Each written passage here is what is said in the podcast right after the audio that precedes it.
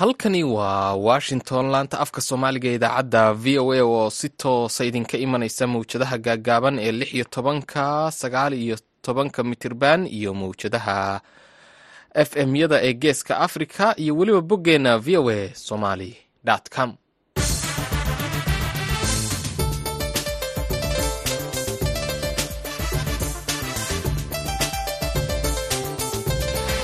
bariido wanaagsan dhegaystayaal. Dhammaantiinba waa aroornimo khamiis ah shan iyo labaatanka bisha januari ee sannadka labada kun iyo afar iyo labaatanka. Saacadda afrikada bari waxay tilmaamaysaa lixdiiyo badhkii subaxnimo halka ay washingtonna ka tahay tobankiiyo badhkii fiidnimo. Idaacadda saaka iyo caalamkana waxaa idinla socodsiinaya anoo ismaaciil xuseen. Farjar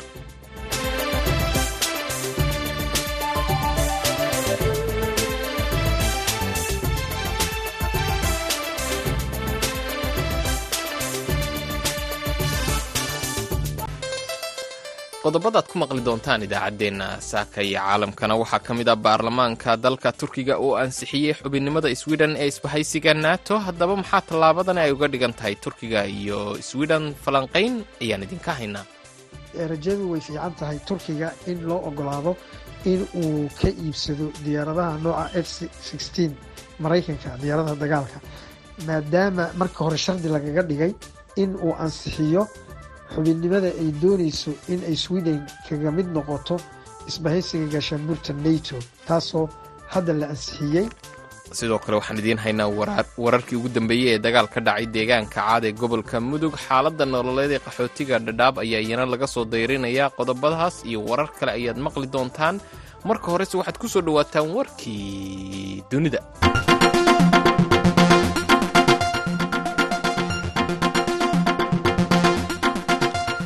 kooxda xuutiyiinta yeman ee gacansaarka la leh iiraan ayaa arbacadii weeraro cusub ku qaaday markab ganacsi oo marayay gacanka cadmeed saacado un kadib markii ciidamada maraykanka ee ku sugan badda cas ay iyaguna weeraro ku qaadeen ururkaasi.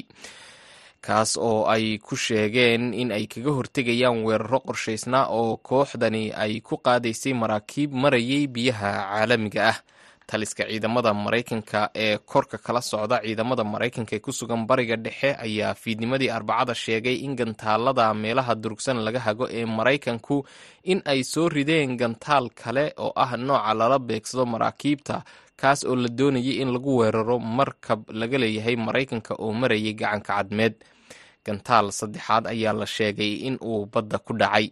Mas'uuliyiinta maraykanka ayaa sheegay in gantaalka lagu weeraray markabku inkastoo aanu khasaare geysan haddana inay u muuqato in aanay kooxda xuutiyiintu weli joojin weeraradoodii.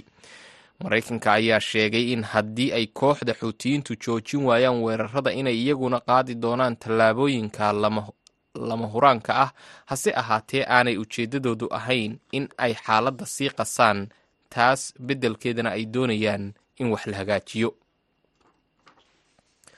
Ugu yaraan sagaal qof ayaa ku dhintay shan iyo toddobaatan kalena way ku dhaawacmeen kadib markii ay taangiyada israa'iil ay duqeeyeen deegaanka khan yunis waxaana duqaynta taangiyadani ay haleeshay xarun tababar oo ay leedahay qaramada midoobay halkaas oo ay gabaad ka dhigteen ilaa siddeed boqol oo qof oo barakacayaal falastiiniyiin ah sida ay sheegtay qaramada midoobay ciidamada israa'iil ayaa la sheegay in ay hore ugu socdeen gudaha magaalada iyada oo haatan dagaal ku socdo bishii afraad. Mas'uuliyiinta falastiiniyiinta ayaa sheegaya in ciidamada israa'iil ay gebi ahaanba joojiyeen in loo gudbi karo cisbitaalada waaweyn ee ku yaalla dhinaca koonfureed ee khaza taas oo ahayd marin ay isticmaalaan dadka ka cararaya colaadda iyo duqaymaha aan kala joogsiga lahayn maraykanka oo saaxiib dhowla ah israa'iil ayaa cambaareeyey weerarada ugu dambeeyey ee lagu laayay dadka rayidka ah. Dhegeystayaal intaas waxay naga eeg dunida haatanna u diyaar garooba qaybaha kale ee idaacadda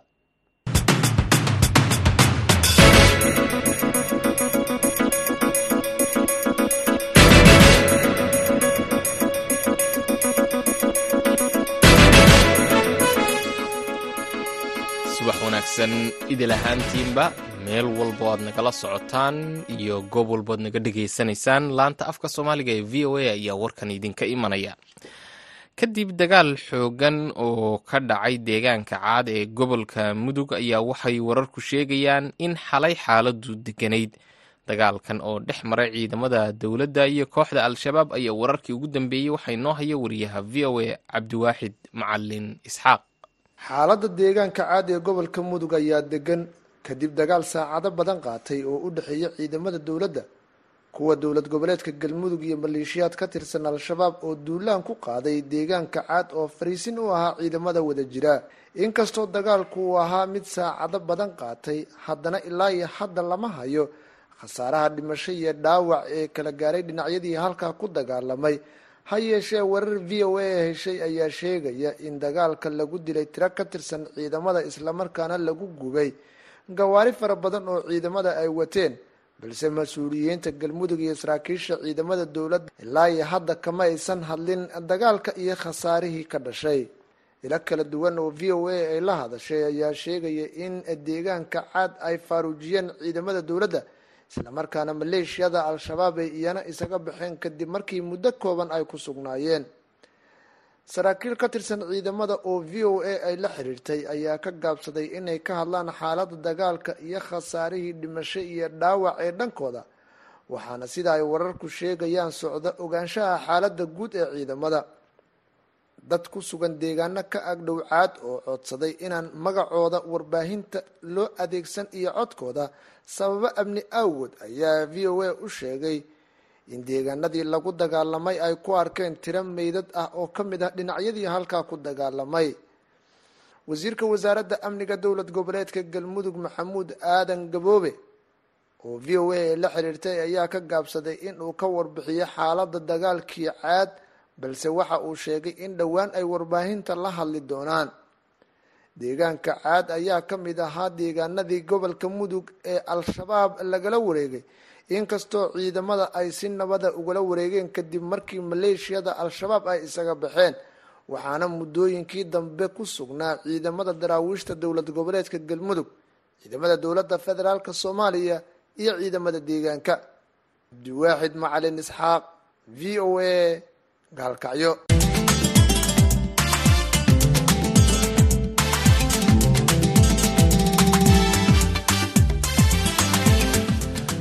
baarlamaanka sweden ayaa ugu baaqay ama ugu dambeyntii aan idhaahdee ansixiyey in ay sweden ku biirto gaashaanbuurta nato kadib labaatan bilood oo dibudhac ku yimi. Haddaba arrintani maxay uga dhigan tahay? Sweden sidoo kalena maxay uga dhigan tahay gaashaanbuurta nato in sweden iyo finland ay ku soo biiraan warbixin gaar ah oo amuurtaas ku saabsan waxaa london ka soo diray wariyaha v o a qaaradda yurub cabdi xaafid cawil ismaaciil ugu dambeyntii baarlamaanka turkiya waa uu ansixiyey arjigii inay sweden si buuxda ugu biirto gaashaanbuurta neeto waddo sahlan ma ay ahayn. Baarlamaanka turkiya oo isbahaysiga tirada haya ee madaxweyne dayib erdoqon ay aqlabiyadda haystaan.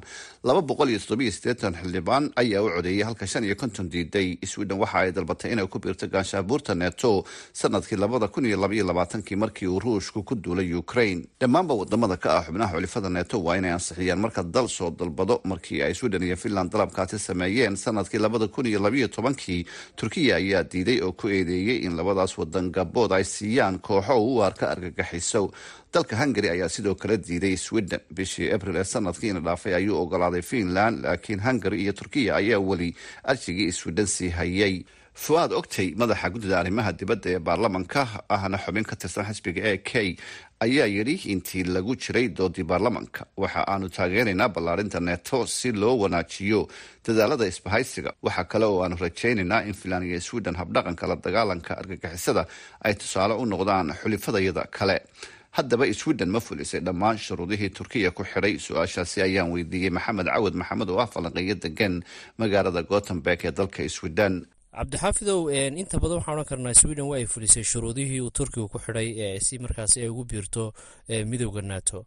Waxaana muuqataa in qodobadaasi ay ugu waaweynaayeen tusaale ahaan in kooxaha kurdiyiinta oo mudaharaada ka dhigi jiray waddooyinka sweden ay sweden ka soo saartay sharci markaasi ay ugu aqoonsan yihiin in ay yihiin argagixiso islamarkaana xilligan aanay ugu jirin sweden oo ku biiraysa nato in la carqaladeeyo waxaana jiray qodobo amaba sharciyo baarlamaanka la mariyey oo arrimahaasi la xidhiidha. Taasi oo turkigu ay si weyn horaantii ay u soo dhoweeyeen.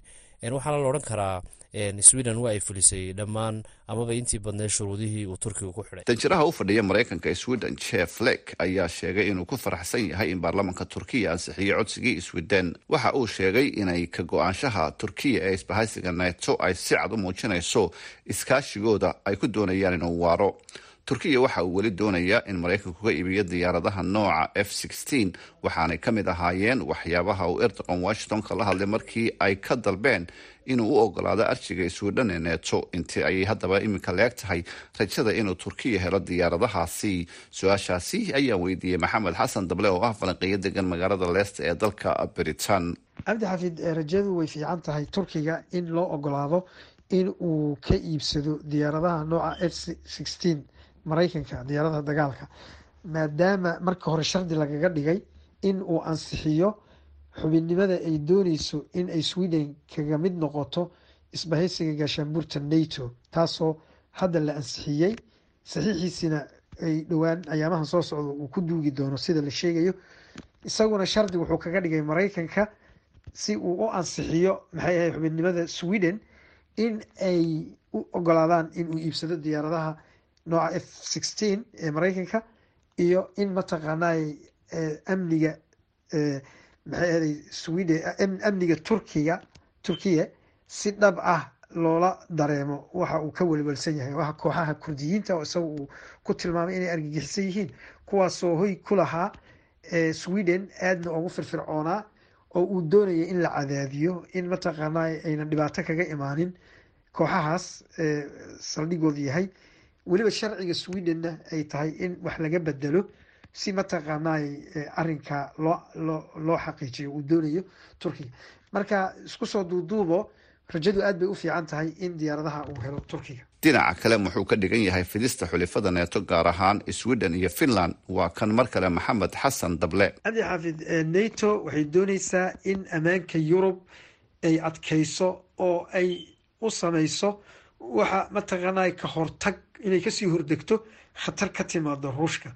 Waxaa jira qodob ka mid ah qodobada u ah sharciga nato oo ah qodobka shanaad kaasoo dhigayo haddii dal ka mida nato lagu soo duulo in inta kale isbahaysiga ka mid ah iyagana ay ku duulayaan ciddii ku soo duushay oo u hiilinayaan dalkaasi. Taas ayaa waxay keenaysaa in ay maadaama sweden iyo finland ay daris la yihiin ruushka khatarna laga cabsanayo amnigooda in uu ku yahay muxuu ahaay ruushka maadaama uu ukraineba ku duulay si taa looga hortago ayaa waxay noqotay si deg deg ah in ay dowladaha iyagoo ammaankooda ilaashanayo ay u soo galaan xulafada nato. Natona ay damaanaqaad u aragtay inay u noqonayso amniga yurub. Inkastoo aan la hubin in taasi ay keenayso magangelyo la isku halleyn karo. Hase yeeshee waa istaraatiijiyad deterrent ah oo ah ka hortag iyo in mataqaanay uusan ruushka runtii ku soo ballaaran erdogan ayaa la filayaa inuu saxeixo sharcigan maalmo gudahood dalka hungari ra'iisul wasaarihiisa victor orban oo xidhiidh saaxiibtinimo uu la leeyahay madaxweynaha ruushka valadimir putin ayaana noqonaya dalka keliya ee ansixin ku biiritaanka iyo swidhane neto waxayse u badan tahay inay hungari ansixin doonto iyaguna arjigaasi. Cabdixaafid cawir ismaaciil v o a london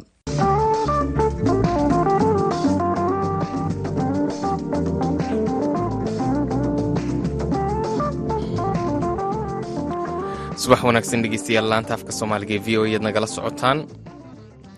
Odayaasha iyo waxgaradka xerada qaxootiga xagardheer oo ka tirsan xeryaha dhadhaab ayaa ka dayrinaya nolosha qoysaska dhowaangalka ah ee ku sugan xerada xagardheer kuwaas oo aan weli helin kaadhka rasmiga ah ee qaxootinimada iyo weliba boonada raashinka lagu qaato haddaba xaaladahooda iyo duruufaha adag ee ay ku nool yihiin waxaa ka warbixinaya cawil xuseen yarow oo ka mid ah waxgaradka xerada xagardheer isagoo u warramay wariyaha v o eda aadan cabdi cabdulaahi bismillahi raxmaan raxiim allahuma salli ala sayidina maxamed magacayga saddexan waxaa la yidhahdaa cawil xuseen yarow. Waxaan ku noolahay xarada xagardheer sectionka annaga aan degannahay iyo sectionno badanba waxaa degan.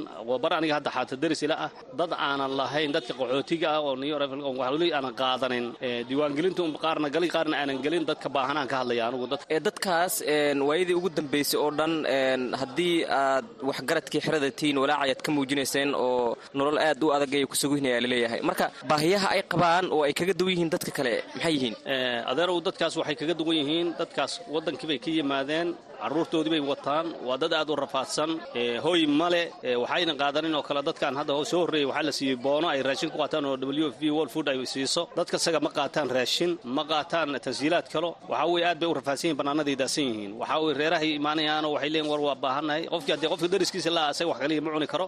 Waa dad baa caawi haddii caawin bini aadan haddii dad meelahaas iyaga waa baahan waxay caawiyaan waxba tari maysa. Dadkaas aaday u dhiban yihiin magarat maxaad is leedahay qaxootigan baahida gaarka qaba oo xeradii ku sugan in qaxootigii kale laga soo horumariyay sideese arrinkaas ay saameyn ugu yeelatay ee dadkii muddada dheer ku taamayay in haddii tirikoob uu bilaawdo ay heli doonaan boonno ama kaar ay raashin ku qaataan? Aniga hadda codsi waxaan codsanaya horta hay'adaha caalamiga ah u n c r oo u xilsaaran qaxootiyada iyo dadkan barnaamijkaas iyo hay'adda world food program ee w f v oo raashin ka bixiso. Dadkaas waxaan dhihi lahaa dadkaas ayaa aad u dhiban. Boonada dadka haysta raashinkii bay qaadanayaan way u faylayaan raashinkii bay qaadanayaan waxyaabahii kalea ka maqan. Way sugi karaan laakiin waxaan sugi karan oo aad u dhibaataysan dadka baahan ee aanan haysanin boonada haysanin ee xaryihii iska dhooban ee baahanaha ee toos aanan weli waxba yeelanin ee aad u rafaadsan. Dadkaasoo magaalada dadka waxay ka baryaan iyo waxay soo tuugsadaan iyo waxay meelaha ka raadsan waxba kalena haysan. Waxaan dhihi lahaa bifadlakum hay'adaha caalamiga ah ee ay u sarraysa hay'adda u n c r iyo d r a oo dowladda kenya ah. Waxaan dhihi lahaa dadka inay horumariyaan si ay dadkaas bal horta noloshooda ay bal dad nool noqdaan. Dadka qaar abaaba camal ah waxa weye wixii dhinta caawa lama beensanay bannaankii bay jiifaan maynan helin diiwaangelintii wixii helayna xataa qaaran ma helin. Waa dhib qabaan boono ma qaataan. Dadkaas dadkii bay dul saaran yihiin aaday u rafaadsan yihiin. Waxaan dhihi lahaa hay'adda kuwaan kale way sugi karaan oo hadda helay boonada helay way sugi karaan. Laakiin dadkaas aan sugi karin waxaan dhihi lahaa hay'adda ha fiiriso il gaara ha ku fiiriso d r a il gaara ha ku fiiriso iyo dowladda kenya waxaan leeyahay dadkaas aad bay u dhiban yihiin. Waxaad ka dhawaajisay in dadkaasi ay xaafadihii kale ee dariiska ama dadkii qaxootigii kale ay u imaanayaan oo ay waxay cunaan ay raadinayaan. Marka yaa u badan marka ma carruur haween siday isugu jiraan dadka marka aad arkaysaan oo indhihiina ay qabanayaan haddii aad waxgaradkii tiin oo aad sheegteen ay guryihii imaanayaan. Caqabadaha haysta oo cuntada markii laga soo taga ee hooyla-aan ayaad sidoo kale sheegtay. Duruufahaas marka si guud ay qabaan ma muddo dheer bay taagneed mise hadda ayse bilaabatay?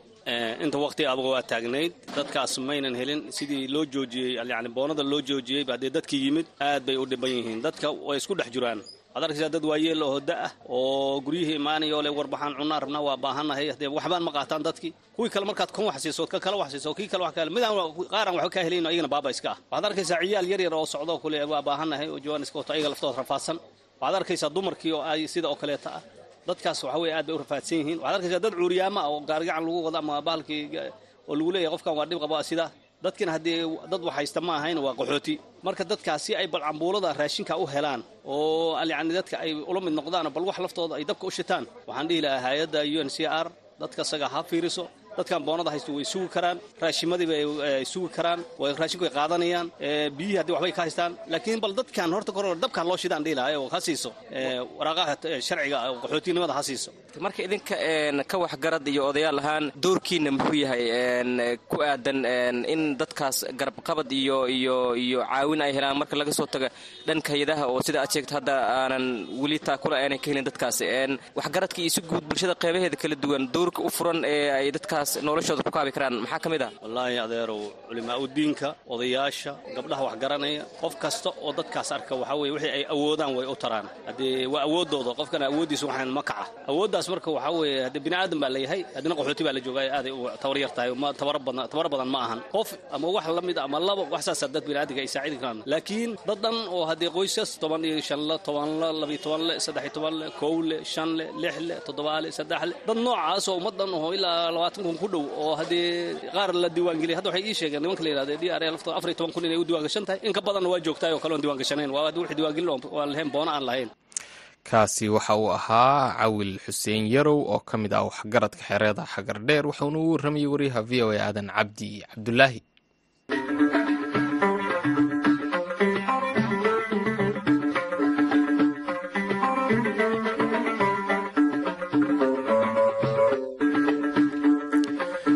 wanaagsan idil ahaantiinba meel walba ad nagala socotaan laantaafka soomaaliga ee v o ayaan idinka soo baaqaynaa.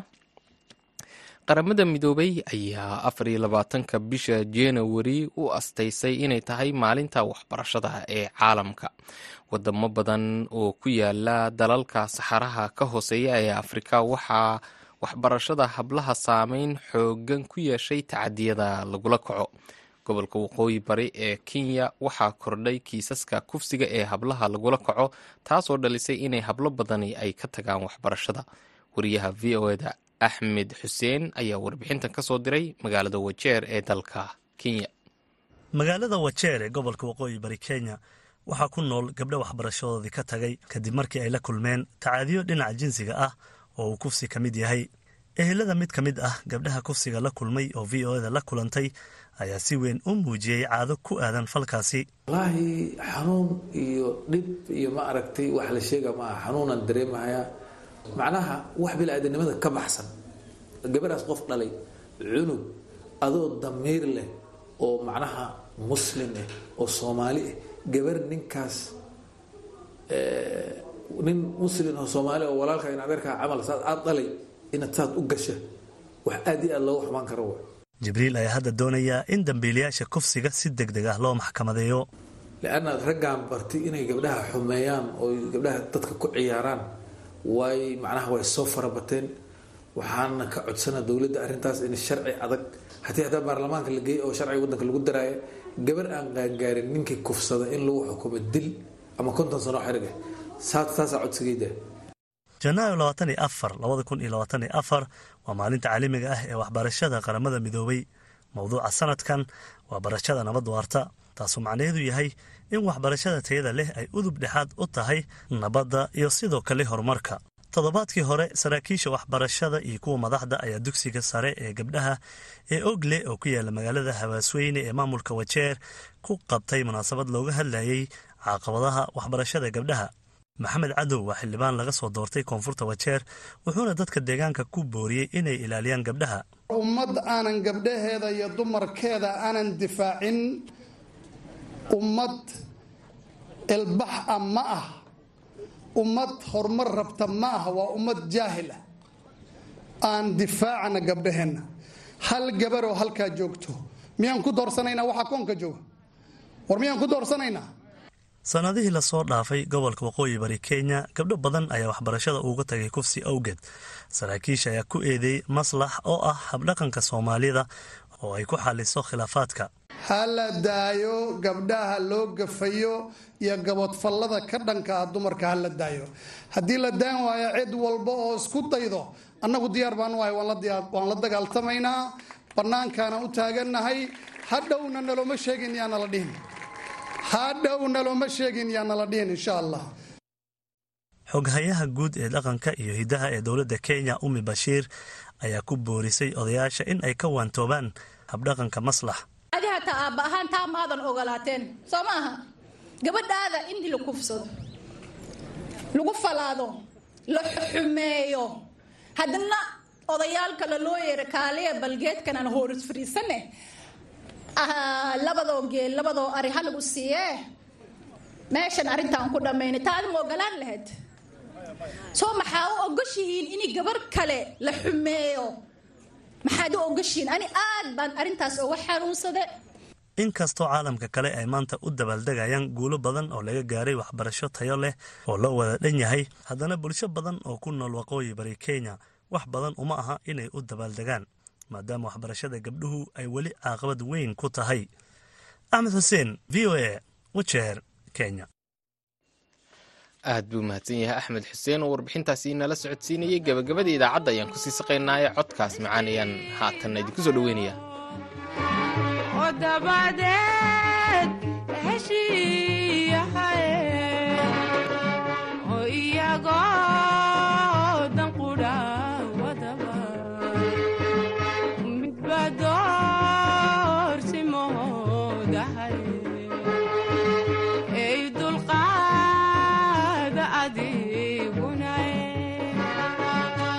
wadacadda la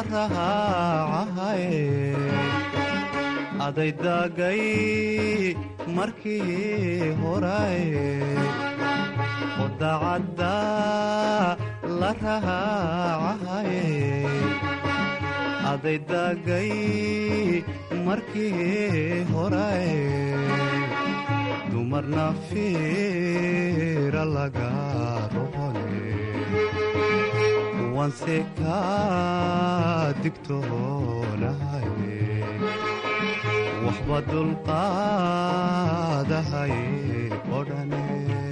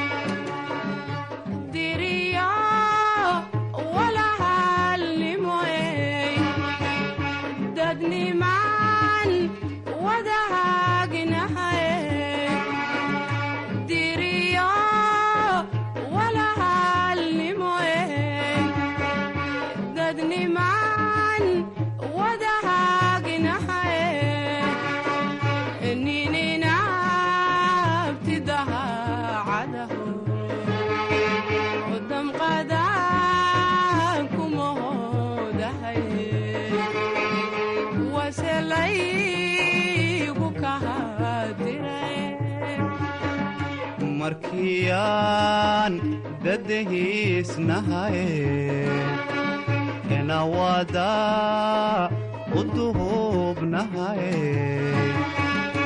markiyaan dadahiisnahaye enawada u duhubnahaye endaare macaha shaqaye wadigii ku digayidhiye nafsigii ma kula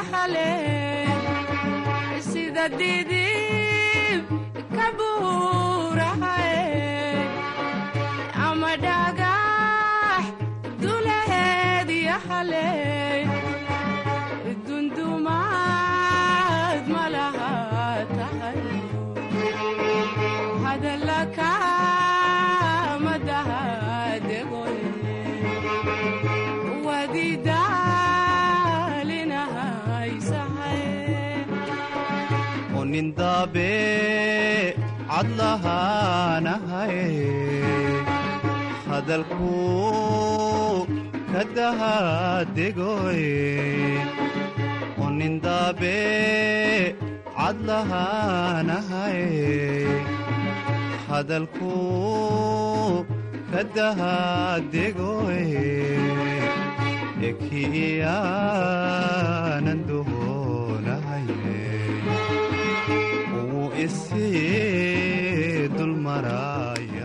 codkaasina wuxuu gebagabo yahay idaacaddeenii subaxnimo. Ay idinla socodsiinayaan waa ismaaciil xuseen farjar dhinaca farsamadona nuur xasan nuur. Tan iyo intaynu idaacadda xigta ku kulmin waxaan leenahay maalintu ha idiin wacnaato